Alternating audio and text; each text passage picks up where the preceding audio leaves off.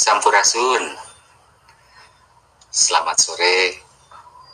Om Swastiastu. Semoga semua dalam keadaan sehat selalu. Uh, sebelumnya saya mohon maaf kemarin uh, punya janji mau berbagi tentang Satria Piningit dan uh, Ratu Adil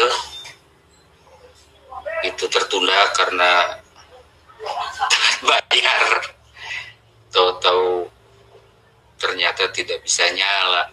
Ya lumayan lah. Eh, ini mari kita sambil merokok saja ya biar santai. Gini. Di Indonesia ini cerita tentang Satrio Piningit dan Ratu Adil itu begitu apa berkembang. Di mana-mana ada ceritanya.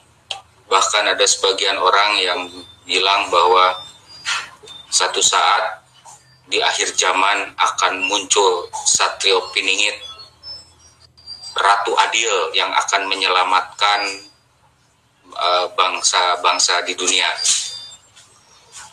Tapi cerita ini konon justru banyak berkembangnya di Indonesia. Dan cerita ini bukan hanya cerita di kalangan orang yang di menengah maaf ya di pendidikan bawah tidak. Bahkan sampai di orang yang pendidikannya tinggi pun itu menceritakan tentang akan adanya kedatangan Satrio Piningit dan Ratu Adil itu. Ada yang menerjemahkan bahwa Ratu Adil itu adalah Imam Mahdi ada yang bilang Yesus ada yang wah macam-macam lah Ayo cobalah berpikir jernih selaku putra bangsa yang dalam keadaan seperti sekarang saya kira wajar semua uh, berharap datangnya pertolongan. Tapi bagi saya, sudut pandang saya berbeda. Yang bisa menolong kehidupan bangsa kita adalah kita sendiri selaku putra bangsa, pewaris resmi negeri kita. Kita pewaris resmi resmi. Jadi yang bisa menolong dan yang menyela, bisa menyelamatkan keadaan negeri kita adalah diri kita sendiri. Lalu siapa itu Satrio Piningit? Ya Satrio Piningit itu adalah diri kita sendiri yang jiwanya, jiwa kesatrianya terpingit. Jiwa kesatrianya terpenjara, tidak memiliki kebebasan, terkurung oleh dogma, terkurung oleh dongeng. Ada sebagian yang mengatakan bahwa Satrio Piningit itu adalah Bung Karno. Benar, ada banyak bahkan yang mengatakan begitu. Sekarang begini, kalau tiba-tiba muncul sosok yang mengaku dirinya adalah Bung Karno, lalu dia bilang, saya Bung Karno, saya Satrio Piningit. Percaya nggak? Pasti disebut Nugelo, pasti diusir. Atau pertanyaan lain, apakah Bung Karno akan datang? Seperti Bung Karno yang ada di foto-foto ketika dia masa tua. Atau ketika dia masih muda. Setelah jadi presiden atau sebelum jadi presiden? Ayo pakai logika. Bagaimana bagaimana kalau seandainya ada orang Papua mengatakan bahwa saya penjelmaan Bung Karno. Saya adalah Satrio Piningit. Mau percaya juga? Atau mau tidak percaya? Nah, jadi kalau bagi saya secara pribadi, terserah mau percaya mau tidak, Satrio Piningit itu adalah jiwa-jiwa kesatria yang ada di dalam diri kita. Yang pada saat ini justru sudah terpenjara sudah bahkan bukan terpenjara lagi sudah di bukan dicebolkan lagi bukan dikontetkan lagi dikikis habis ditebang dicokel dari akarnya. Bangsa Indonesia terkenal sebagai bangsa pejuang bangsa kesatria bangsa yang mau mengakui apabila dia salah bangsa yang memiliki pepatah seperti ini. Kalau di Jawa Barat seperti ini. Ulah wani-wani, lamun siun. Ulah siun, lamun wani. Jangan sok berani kalau takut. Dan jangan takut kalau berani. Bahkan ada istilah berani karena benar. Yang terjadi sekarang apa? Ya kita bisa lihat pada saat seseorang berkuasa, duitnya banyak, lalu ketangkap, ternyata korupsi, ternyata dia seorang koruptor. Apa yang terjadi? Muncul jiwa kesatrianya? Tidak. Kesatria piningit, jiwa kesatria sudah muncul di Cina.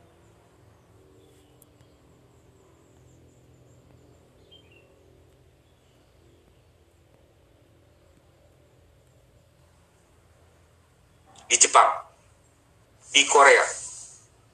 Ketahuan korupsi, dia siap untuk dihukum mati. Itu yang disebut jiwa kesatria. Sisi lain, benarkah jiwa kesatria bangsa Indonesia ini masih ada? Tidak. Bisa dihitung jari. Memang ada yang masih mau membela negeri ini? Ada gitu yang mau membela mati-matian untuk negeri kita. Yang ada adalah bela Palestina, bela Rohingya, bela entah negara mana dibela dibela. Ini kesatria apa? Satria bergitar, setahu saya. Saya kira Satria Piningit itu adalah Bang Oma kayaknya. Santai, santai. Jangan terlalu serius kita sambil merokok ya. Saya menghormati saudara-saudara saya yang sudah berbuka duluan di Indonesia bagian timur. Mereka sudah buka duluan, jadi saya ikut ke yang di sana saja. Jangan lupa ngopi katanya tuh. Mari kita ngopi. Kopi buatan Indonesia. Kopi yang lahir dan tumbuh dari negeri kita. Diolah oleh bangsa kita. Ini yang saya mereknya tidak terdaftar. Tidak terdaftar di BPOM. Dan tanpa cap tanpa cap halal. Dan ternyata lebih enak. Kenapa? Ada kemungkinan harus dicap halal. Mungkin karena dianggap kopi adalah makanan babi. Yang sebenarnya adalah kopi yang makan babi. Nah, jangan terlalu serius, nyantai aja, nyantai. Nah, kembali ke persoalan Satria Piningit. Satria Piningit adalah jiwa kesatria kita. Yang selama ini terpingit, terjepit, terpenjara, tidak berkutik, melihat ajaran leluhurnya ditindas, dihinakan, disisihkan oleh ajaran-ajaran impor, diam. Giliran ada yang bela, digebukin rame-rame. Dicap.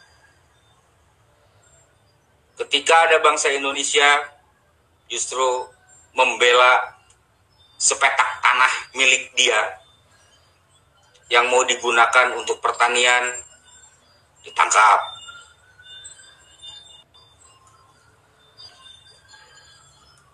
Yang salah dibela. Yang benar dihabisi. Jadi menunggu kebangkitan Satria Piningit itu Satria yang man menunggu orang datang berkuda bawa pedang menunggu Bung Karno yang sudah meninggal jangan menyalahi satu jangan menyalahi logika lah. Pakai logika. Jadilah bangsa yang logikanya kuat. Jadilah bangsa atau manusia yang rasional. Dalam ajar Pikuku Sunda itu yang diajarkan. Berpikir rasional dan berpikir logis, matematis, sistematis, strategis, ekonomis, dan estetis. Itu ajar Pikuku Sunda. Tidak ada dogma dan tidak ada paksaan untuk mempercayainya. Nah, Satria Piningit ini adalah ketika kita mau dan berani membela negeri kita sendiri, tanah tumpah darah kita sendiri. Berapa juta liter darah membanjiri negeri kita? Dulu, berapa juta manusia leluhur kita, bangsa kita, orang-orang tua kita mati demi mempertahankan negeri ini. Untuk siapa? Untuk kita. Dengan harapan, saya yakin mereka berharap. Karena mereka adalah para kesatria. Mereka berharap darah kesatrianya turun kepada anak cucunya. Anak cucunya akan menjadi manusia yang berguna, yang mampu membangun negeri ini, membangun kemakmuran negeri ini, menjadikan Indonesia menjadi negeri kelas satu, negeri nomor satu di muka bumi, mengalahkan negeri mana pun.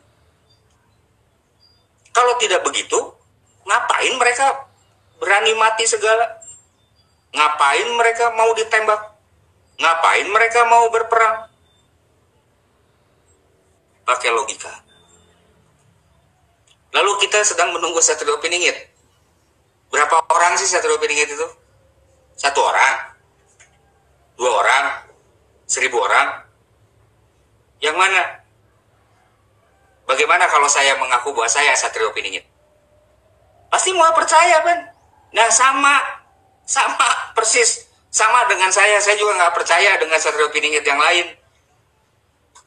Satrio Piningit itu adalah orang yang memiliki jiwa kesatria yang mau membela hak sebagai putra bangsa, membela negerinya sendiri, membela tanah airnya sendiri, membela di mana dia hidup membela yang memberikan kehidupan kepada dirinya, kepada ibu bapaknya, kepada kakek neneknya, kepada anak-anaknya, kepada cucunya, dan kepada generasi selanjutnya. Mau nunggu apa lagi? Mau nunggu kapan? Mau nunggu siapa? Ayo, para kesatria keluar dari pingitan. Keluar dari dogma dogma yang mematikan jiwa kesatria kita selaku putra bangsa Indonesia. Ayo kita sama-sama bangkitkan dan kita bebaskan jiwa merdeka kita. Jiwa kita merdeka. Mau sampai kapan hidup seperti sekarang? Ada yang sudah makmur, benar, ada yang sudah bisa hidup tentram, damai, sejahtera, dan bahagia ada? Saya yakin tidak ada. Di negeri kita, kita bertahan hidup. Kita survive di negeri sendiri. Jadi, yang dibutuhkan sekarang kita bangkitkan jiwa kesatria kita. Salah, berani bilang salah. Akui kesalahan. Benar, perjuangkan. Bela negeri kita sebagai seorang kesatria. Mati juga dengan terhormat. Di mana ada kesatria mati tidak terhormat? Semua kesatria itu matinya terhormat. orang-orang yang selama ini mengorbankan nyawanya untuk sesuatu yang bukan bagi bangsanya, untuk sesuatu yang bukan bagi kemakmuran bangsa Indonesia sendiri. Itu aneh bagi saya pribadi aneh. Tapi mungkin bagi yang lain tidak. Ya itu, hak, itu pilihan kok. Boleh, bebas. Itulah jiwa kesatria. Itulah satria piningit. Jadi sekaranglah saatnya. Kita tidak sedang menunggu siapa pun, kita tidak sedang menunggu waktu, kita tidak sedang menunggu tempat. Jiwa kesatria bisa kita bebaskan dari dalam diri kita sendiri. Menjadi pejuang bagi negeri. Menjadi pejuang bagi tanah air kita sendiri.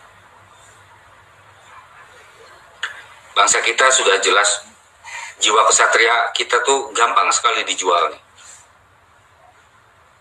Bahkan mungkin juga gampang dibelinya. Padahal jiwa kesatria itu bukan persoalan jual beli, tapi sebuah keyakinan, sebuah semangat yang dilandasi oleh kecerdasan. Itu kesatria. Kalau masih kurang, banyak film-film saya salut dengan film-film Cina, film kungfu. Bahkan juga sekarang Amerika tidak mau kalah. Mereka mulai memicu nilai-nilai kesatriaan yang selama ini juga terpingit.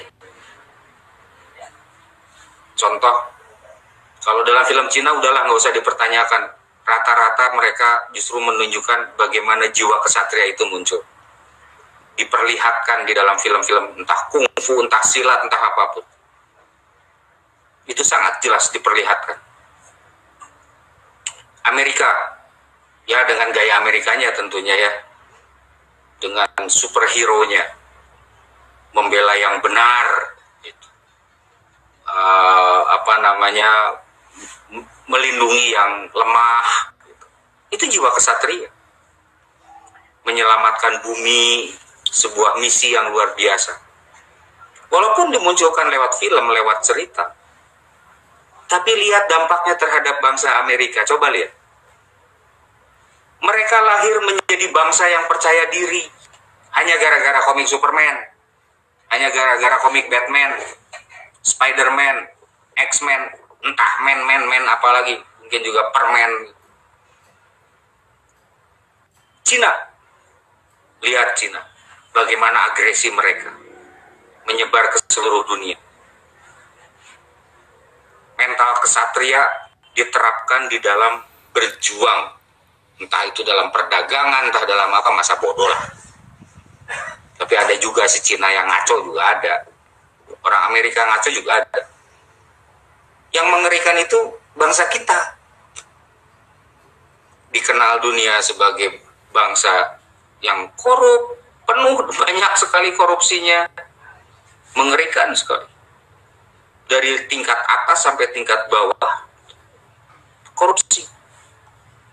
Dan ketika ditanya, pasti jawabannya, oh bukan saya. Itu oknum. Selalu begitu. Kenapa sih? Sulit ya? Senyatanya memang sulit. Memang sulit. Menjadi kesatria itu sulit. Siap untuk berkorban. Padahal waktu kita lahir, ibu sudah mengajarkan agar tidak takut untuk mati. Ibu adalah kesatria yang pertama. Dia mempertaruhkan nyawanya agar lahir sebuah kehidupan. Ibu itu kesatria. Kesatria itu bukan soal laki-laki, bukan soal perempuan, enggak. Mau laki mau perempuan, jiwanya yang kesatria. Nah inilah saya kira persoalan tentang Satria Piningit harus segera dicairkan. Jangan percaya lagi lah kalau ada dongeng kita sedang menunggu Satrio Piningit yang nantinya akan memperbaiki negeri kita, akan memimpin di negeri kita. Bahkan ada yang bilang maaf ya Pak Jokowi maaf bahwa Pak Jokowi adalah Satrio Piningit. Bohong Pak, jangan percaya Pak. Yang jelas Bapak orang Jawa, saya juga orang Jawa, di Pulau Jawa maksudnya. Kita adalah orang Indonesia, Pak. Jangan percaya, Pak, kalau Bapak mendengar ada istilah bahwa Pak Jokowi adalah Satrio Piningit. Masa Satrio Piningit cuma satu? Seluruh bangsa Indonesia seharusnya. Begitu ideal. Seandainya seluruh bangsa Indonesia menjadi satrio. Betul-betul menjadi seorang kesatria. Memiliki jiwa kesatria. Yang berjuang bagi negerinya yang berjuang bagi tanah tumpah darahnya, warisan yang tidak gratis. Kita hidup di atas tanah yang tidak gratis. Kita sekarang hidup di atas tanah yang sudah menelan banyak korban. Baik itu korban perang secara fisik, korban politik, korban ah, macam-macam. Ayolah, kita lahirkan kembali, kita bangkitkan kembali. Kenapa? Karena jiwa kesatria mengalir di dalam diri kita. Ada, masih, masih ada. Jangan takut, masih ada. Perokok dulu, buatan Indonesia.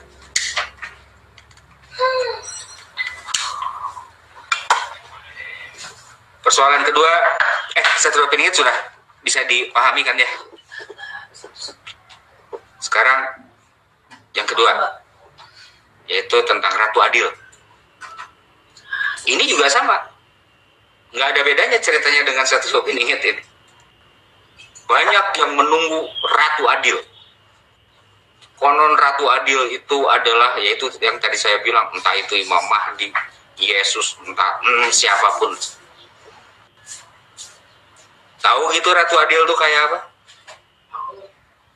Kalau seandainya saya bilang saya Ratu Adil, pasti nggak percaya. Pertama, karena konon kalau ratu itu pasti perempuan, katanya begitu kata orang Indonesia. Salah. Kalau feminin mungkin. Tapi ratu bukan queen. Sebetulnya ratu itu artinya king of king, maharaja, raja di raja artinya ratu itu. Nah, tapi ratu di sini memang konotasinya lebih kepada feminin. Ratu Adil adalah dia akan datang, Ratu Adil ini akan datang untuk menyeimbangkan kembali kehidupan di muka bumi. Kenapa disebut adil? Karena dia merupakan bencana alam Ratu Adil itu bencana alam, bukan manusia. Personifikasi ini dipersonkan, dimanusiakan. Jadi seolah-olah manusia padahal personifikasi. Bagaimana bumi ini bergerak. Siklus. Sesuai siklus, ada siklusnya. Bergerak alam semesta ini hidup. Jangan dikira cuma manusia yang yang hidup. Enggak. Tuyul juga hidup. Belatung juga hidup. Dedemit juga hidup. Jadi, Ratu Adil itu adalah sebuah kejadian besar. Bencana alam yang tidak akan memilih mau tumbuhan, mau binatang, mau manusia, mau kuntilanak, mau tuyul, jurik jarian, dedemit, ririwa, genderuwo, apa pun disikat. Dihabisi. Mau anak bayi dari manusia, anak bayi ayam, anak bayi apa pun lah pokoknya. Anak remaja, laki-laki, perempuan, dan lain sebagainya. Dihabisi. Itu adil namanya. Jadi Ratu Adil itu adalah bencana alam. kalau dugaan saya Ratu Adil itu adalah pergeseran lempeng sirkum Pasifik dan Mediterania. Yang satu memecah, menjauh, yang sirkum Pasifik kalau tidak salah, sedangkan yang Mediteranian adalah yang menekan. Dan ini akan goncangannya ke mana-mana. Bisa begitu. Itu yang terdekat. Bukti Ratu Adil yang lain apa? Itu Merapi sedang aktif. Itu Ratu Adil. Salah satu dari Ratu Adil ya Gunung Merapi. Jika dia nanti meletus, dia tidak pilih, oh ini agamanya uh, kejawen, oh ini harus dibunuh gitu. Enggak. Mau Islam, mau Nasrani, atau Kristen, Protestan, mau Katolik, atau apa pun, Buddha, Hindu, bahkan yang tidak beragama sekalipun, dihabisi oleh Gunung Merapi. Mau masjid, mau pura, mau gereja, mau tempat yang dianggap suci apa pun, dihabisi oleh Merapi. Merapi adalah salah satu contoh Ratu Adil. Adil kan? Tidak pilih kasih. Jadi Ratu Adil itu bukan manusia, bukan sosok, tapi suatu keadaan atau suatu kejadian. Kejadian di mana bumi harus kembali kepada semestinya. Semesta yang semestinya. Itulah Ratu Adil entah bentuknya gempa bumi, entah bentuknya gunung berap, merah, gunung meletus, entah dalam bentuk uh, badai, entah bentuknya tsunami atau apa pun. Pokoknya bencana alam. Atau atau nuklir. Tapi kalau nuklir itu kan dari kelompok A, misalnya Amerika mengirim senjata nuklir ke Indonesia. Itu tidak adil. Kenapa? Karena ada yang dipilih. Dan yang memilihnya manusia. Tapi kalau alam yang memilih, itu beda urusannya. Tidak ada kepentingannya. Alam memilih melakukan itu semua atas siklus karena dia harus kembali kepada yang semestinya. Ingat jumlah manusia sekarang penduduk bumi ini sudah hampir mencapai 8 miliar. Artinya apa? Artinya bumi ini pasti dieksploitasi habis-habisan, dikeruk habis-habisan. Dampak kedua apa? Sampah sampah pasti tambah banyak. Kejahatan juga tambah banyak. Baik kejahatan yang terstruktur, yang masif, yang tidak terstruktur, yang temporer, dan lain sebagainya. Ya muncul begitu saja. Nah itulah yang dimaksud dengan Ratu Adil. Tentu saja ini versi saya. Mungkin juga tidak benar. Siapa bilang versi saya benar? Tidak Bukan. Hanya itu versi saya. Saya membagikan ini. Kalau dianggap salah, ya silahkan. Itu pilihan, itu hak untuk dipercayai atau tidak dipercayai itu hak dan pilihan. Silahkan. Bebas. Nah, sekarang kita bertanya jawab. Tapi jangan yang susah-susah. Yang gampang-gampang saja lah dan jangan lupa uh, ini saya mau ngomong apa ya barusan ya. Oh kalau ada pertanyaan yang uh, bukan saya tidak mau jawab bukan. Tapi ini banyak sekali banyak sekali sehingga saya susah baca satu-satu jawab.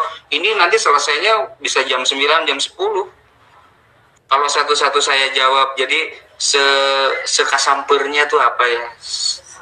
Sekeambilnya. Kita dari siapa dulu ya? Dan kalau bisa yang lebih baik lagi adalah berdiskusi langsung di di sini aja di di wall ini. Silahkan saling berdiskusi di situ. Seperti halnya uh, kalau saya posting atau kita post, posting sesuatu lalu saling berkomen di situ di sini juga sama jangan jangan hanya bertanya kepada saya di, saling berkomen saja di situ agar bisa saling mencerdaskan saling um, mencerdaskan, saling mendapatkan ilmu pengetahuan gitu. Ya. Oke, sekarang kita lihat ini dari siapa dulu nih? Kang Sony, yang disembah oleh satria adalah orang tuanya. Tanah suci para kesatria adalah tanah yang diinjaknya. Kitab suci para kesatria adalah alam semesta. Itu Kang, betul, Kang Sony Tanoto. Marmar, Hera Yukti, wah ini ini saya perkenalkan ini beli marmar beli marmar Herayukti ini uh, dia seniman seniman tato dan seniman ogoh-ogoh di Bali ini luar biasa sekali dia saya ketinggalan abah ye gimana marmar uh, Rahayu Sagung Dumadi Kang Bengawan Prabu lalu dari Kang Muhammad Zainal apakah itu mirip gambaran di Candi Borobudur abah seribu kesatria terpingit dalam sangkar stupa. Lalu bagaimana keluar? Nah, oh iya itu bisa jadi begitu. Bisa jadi. Di Borobudur menceritakan itu bisa jadi loh itu. Itu bagus sekali itu Kang Muhammad Zainal. Terima kasih banyak. Nanti saya coba juga untuk ikut berpikir. Mudah-mudahan kita semua ikut memikirkannya juga. Ini pernyataan bagus nih dari Kang Muhammad Zainal yang dia bilang tentang uh, seribu kesatria terpingit di dalam sangkar atau di dalam stupa. Lalu uh, dari siapa lagi ini? Kang Herman. Kalau Ratu Adil Gunung Merapi, kenapa laharnya nggak sampai Jakarta? Karena bentuk ketidakadilan berpusat di Jakarta. Iya ya, sayangnya di Jakarta hanya ada Gunung Sahari Coba kalau Gunung Sahari merupakan gunung yang beneran biar meletusnya rata sekalian beres ya. Kita bikin pemerintahan yang kita pilih orang-orang yang tepat yang duduk di pemerintahan kita di Indonesia agar bangsa kita lahir jiwa-jiwa kesatrianya kemudian mampu memakmurkan bangsa kita dan mengangkat nama Indonesia bahkan mengangkat Indonesia menjadi negeri kelas satu negeri terbaik di dunia. Lalu dari Agung De join Agung De Sampurasun Gung De. Sepertinya jiwa kesatria juga dipengaruhi waktu juga, Bah. Ambil contoh, tidak sedikit jiwa kesatria yang kuat di awal masa jabatan. Berangsur-angsur pudar menjadi jiwa pengecut. Dan jiwa bahkan maling sering seiring berjalannya waktu. Bener juga ya.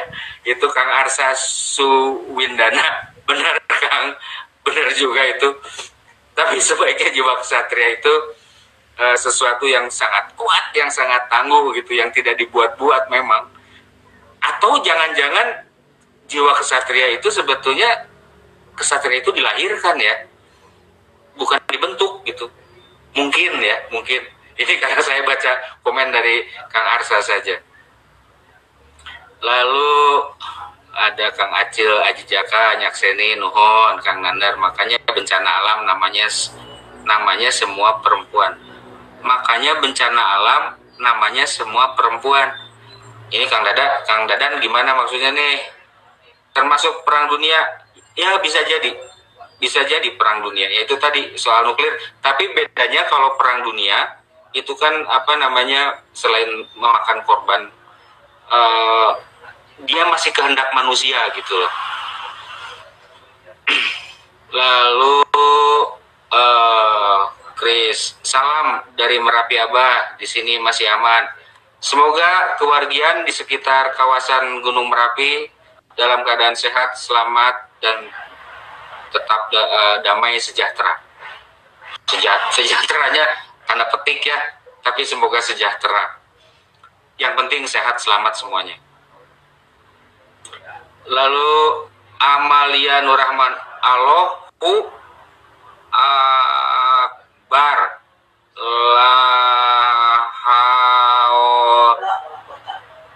susah bacanya ini apa sih? Susah bacanya ini Mbak Amalia maaf. Uh,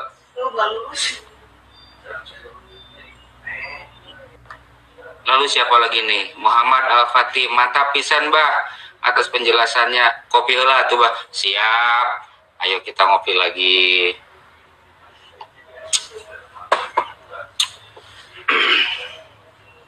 Kang Herman nih orang nggak ngerti syariat. Kalau ada hakikat berarti ada syariatnya. Kalau ada kata sifat berarti ada perwujudannya. Menurut Herman Lingbet Sungsang. Uh, nggak tahu ini apakah mau menjelaskan atau mau ini tapi silahkan saja berdiskusi. Silahkan bagus kok. Bagus. Nggak ada yang jelek. Yang berkomentar di sini nggak ada yang jelek. Semua bagus semua harus saling menghargai ya Chris Jeningrat Satria Piningit itu hati yang welas asih. Ratu Adil adalah hati yang bijaksana. Salam rokok dan kopi. Siap. Nah ini juga betul. Ini ini sifat-sifat kesatria itu ya seperti itu. Ya semoga bangsa kita tetap memiliki uh, rasa welas asihnya ya.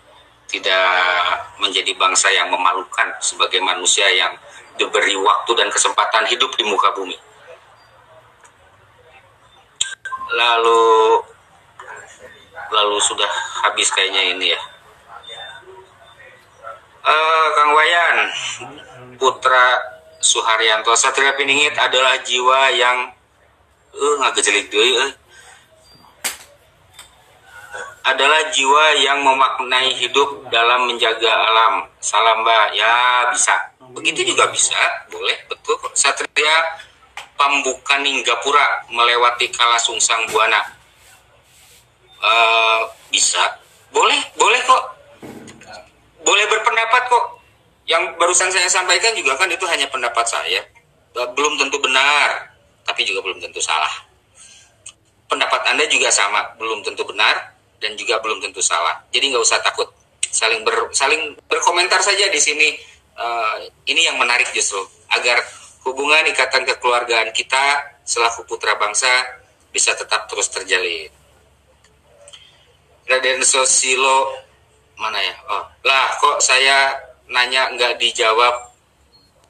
Aduh mana deh itu eh, pindahan terus eh Gusti nggak dijawab ya Abah. Ini yang mana ya uh, Kang R Kang Susilo Gunung Sahari. nah ya itu kan Gunung Sahari kan. Uh, Lupi ayah kaitannya sarang budak angon pangersa bang. Kang Acil betul budak angon kalau di Jawa Barat juga dikenal ada istilahnya budak angon. Budak angon adalah uh, putra bangsa. Jadi bukan si A si B ya, tapi budak angon itu artinya budak itu artinya angon itu tukang angon kan tahu ya? Ngangon kalakai jeng tutunggul. Kalakai itu simbol dari kalakai itu uh, daun uh, apa namanya? Daun kelapa yang sudah kering. Daun kelapa yang sudah tua. Itu kalakai namanya. Dan tutunggul. Tutunggul itu tunggul bekas uh, tebangan pohon jadi budak angon ini Ngangon Kalakai dan Tutunggul. Jadi yang, yang dimaksud adalah putra bangsa pewaris negeri yang menjaga ajaran dan nilai-nilai para leluhurnya. Uh, yang menjaga bekas-bekasnya lah gitu ya, serpihan-serpihan uh, bekas kejayaan para leluhurnya. Itu budak Angon. Tapi sebudak Angon ini nanti akan pergi dengan budak janggotan perginya ke Lebak Cawene mulang ngababakan. Jadi si budak Angon ini dia akan uh, kembali membangkitkan kembali uh, Cawene itu artinya perawan. Akan bangkitkan ke, akan kembali ke zaman keemasan lah gitu ya. Cantik lagi gitu. Tidak jadi belum diperkosa gitulah negeri yang belum diperkosa oleh segala hal. Baik oleh kepentingan ya itulah gitulah uh, kalau memang Ratu Ade ini Kang Made, uh, Beli Made Suwitra kalau memang Ratu Adil kenapa saat Gunung Agung meletus tahun 63 demikian dahsyatnya ribuan orang uh, ribuan orang meninggal. Kenapa pura besaki nggak apa-apa? Mas kang beli beginilah logikanya ya. Di mana-mana orang ketika akan membuat rumah peribadatan pasti takut untuk korupsi. Bukan pasti sebagian besar takut untuk korupsi. Maka pasti dibuat dari bahan yang sebagus mungkin, sebaik mungkin, sekuat mungkin. Beda dengan orang disuruh bikin rumah. Nanti dikorupsi. Harusnya semen satu banding sepuluh misalnya gitu. Dikorupsi sama dia nanti. Satu banding tiga puluh jadinya. Tapi kalau untuk rumah peribadatan, rumah-rumah uh, apa tempat-tempat yang dianggap untuk beribadat yang suci. Seperti halnya ketika tsunami di Aceh ya, kan tertinggal tuh satu masjid. Ya jelas, orang bikin masjid mana ada yang berani korupsi. Pasti dibikin dari bahan yang terbaik, dibikin sesuai dengan speknya gitu yang seharusnya. Makanya kuat. Jadi awal dari kerusakan ya korupsi. Gitu maka kalau mau belajar membangun uh, apa ketangguhan belajarlah seperti halnya ketika orang membangun rumah peribadatan. Gitu jawaban saya. Mau benar atau tidak ya itu menurut versi saya. Tapi misalnya ada jawaban bahwa itu dilindungi oleh yang maha agung bisa saja kenapa tidak? Bisa Besak Pura Besaki tahun 63 ketika itu Gunung Agung meletus Pura Besaki tetap utuh. Itu betul. Mungkin karena dilindungi oleh Yang Maha Agung. Sama juga dengan yang di Aceh ketika tsunami besar yang begitu hebat. Tersisa satu masjid. Itu juga mungkin karena dilindungi oleh Yang Maha Kuasa. Lalu di beberapa daerah juga sama. Bahkan di Jepang ketika tsunami terjadi, itu ada satu kuil yang kalau dengan logika rasanya harusnya hancur gitu ya. Karena itu kuil dibangun dari konstruksi kayu. Kayu-kayu gitu. mungkin juga karena dilindungi oleh yang maha kuasa bisa saja bisa saja. Kenapa tidak? Ya kita jangan menolak hal-hal eh, yang ini ya yang di luar eh, apa ya di luar cara berpikir kita. Ada unsur lain yang kita sering menyebutnya sebagai yang maha kuasa atau yang maha agung atau entah dewa atau dewa atau apa pun lah. Itu lalu siapa lagi ya ini? Apa cerita Satria Piningit adalah kisah agar kita malas Mbah? Sugihart Kang Sugihart agar kita malas padahal semestinya kita sadar. Iya justru inilah uh, bukan mungkin juga maksudnya tidak begitu ya. Tapi bangsa kita yang salah menafsirkannya. Yang salah menerjemahkan istilah itu. Padahal itu satu sandi kata sandi. Itu sebuah sinyal. Sebuah uh, kode. Yang kita salah menafsirkan atau menerjemahkannya budak Angon adalah orang yang sudah bisa menggembalakan nafsunya sendiri kan ya bisa. Bagus itu juga bagus. Terus kalau dari sudut misterinya agar manusia selalu ingat kembali manusia agar selalu ingat kembali pulang ke bape ajak meme. Ini dari beli agung bagus ya bisa bisa begitu kok. Bagus bagus ya intinya beginilah intinya uh, semua yang dipaparkan oleh saya adalah tawaran. Saya tidak bilang ini benar. Tapi juga saya tidak bilang ini salah. Saya hanya tidak ingin keluar dari logika.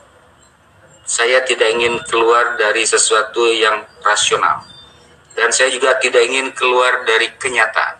Kenapa? Karena di dalam ajar Pikuku Sunda selalu ditekankan jangan pernah keluar dari kenyataan dan keadaan.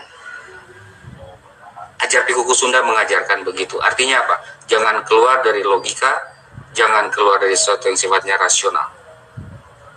Nah, itu ajar Pikuku Sunda ya. Tentu saja uh, dalam ajar yang lain bisa berbeda. Dan perbedaan itu bagus. Saya kira ini sudah mulai uh, mendekati waktu untuk berbuka bagi yang saum. Selamat menyiapkan makanan-makanan. Jangan lupa minum air bening. Oleh-oleh, perlu oleh-oleh nggak ya? Enggak ya? Enggak lah, nggak perlu ya, nggak perlu oleh-oleh ya. Yang udah pada jago semua. Gak kan kan? Bukan nggak ada, nggak ada yang bilang perlu oleh-oleh. Berarti kita sudah selesai. Baik untuk semuanya, uh, semoga kita senantiasa dalam keadaan sehat, selamat, damai, dan sejahtera. Dan bangkitkan jiwa kesatria kita. Jangan menjadi pengecut, jangan menjadi pecundang. Lebih baik mati terhormat sebagai kesatria daripada mati sebagai seorang pecundang. Yang kedua, soal Ratu Adil yang tidak boleh kita lupakan. Ratu Adil itu artinya adalah sesuatu yang tidak memilih, yang tidak pandang bulu, betul-betul adil. Tidak bisa dibeli, tidak bisa ditolak, bukan karena diinginkan, bukan karena keinginan, juga bukan karena ketidakinginan.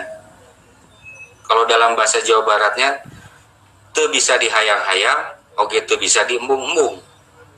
Datang lain menang hayang, indit lain menang usir. Jadi datang dan perginya itu bukan karena kehendak kita. Itu dari sudut pandang ajar Pikuku Sunda. Demikian perjumpaan kita mengenai Satrio Piningit dan Ratu Adil. Oleh-oleh dong. besok, besok lagi, besok lagi. Ini pada belanja kolak dulu, kenapa sih? Pada belanja kolak, uh, lejat nanti. Jangan lupa merokoknya dulu, merokok, merokok, merokok. Eh, ini udah ditutup, udah ditutup, ditutup dulu. Sampurasun, Mugia Rahayu Sagung Gumadi, sehat, selamat, sejahtera, dan damai selalu untuk semua. Rahayu, Rahayu, Rahayu.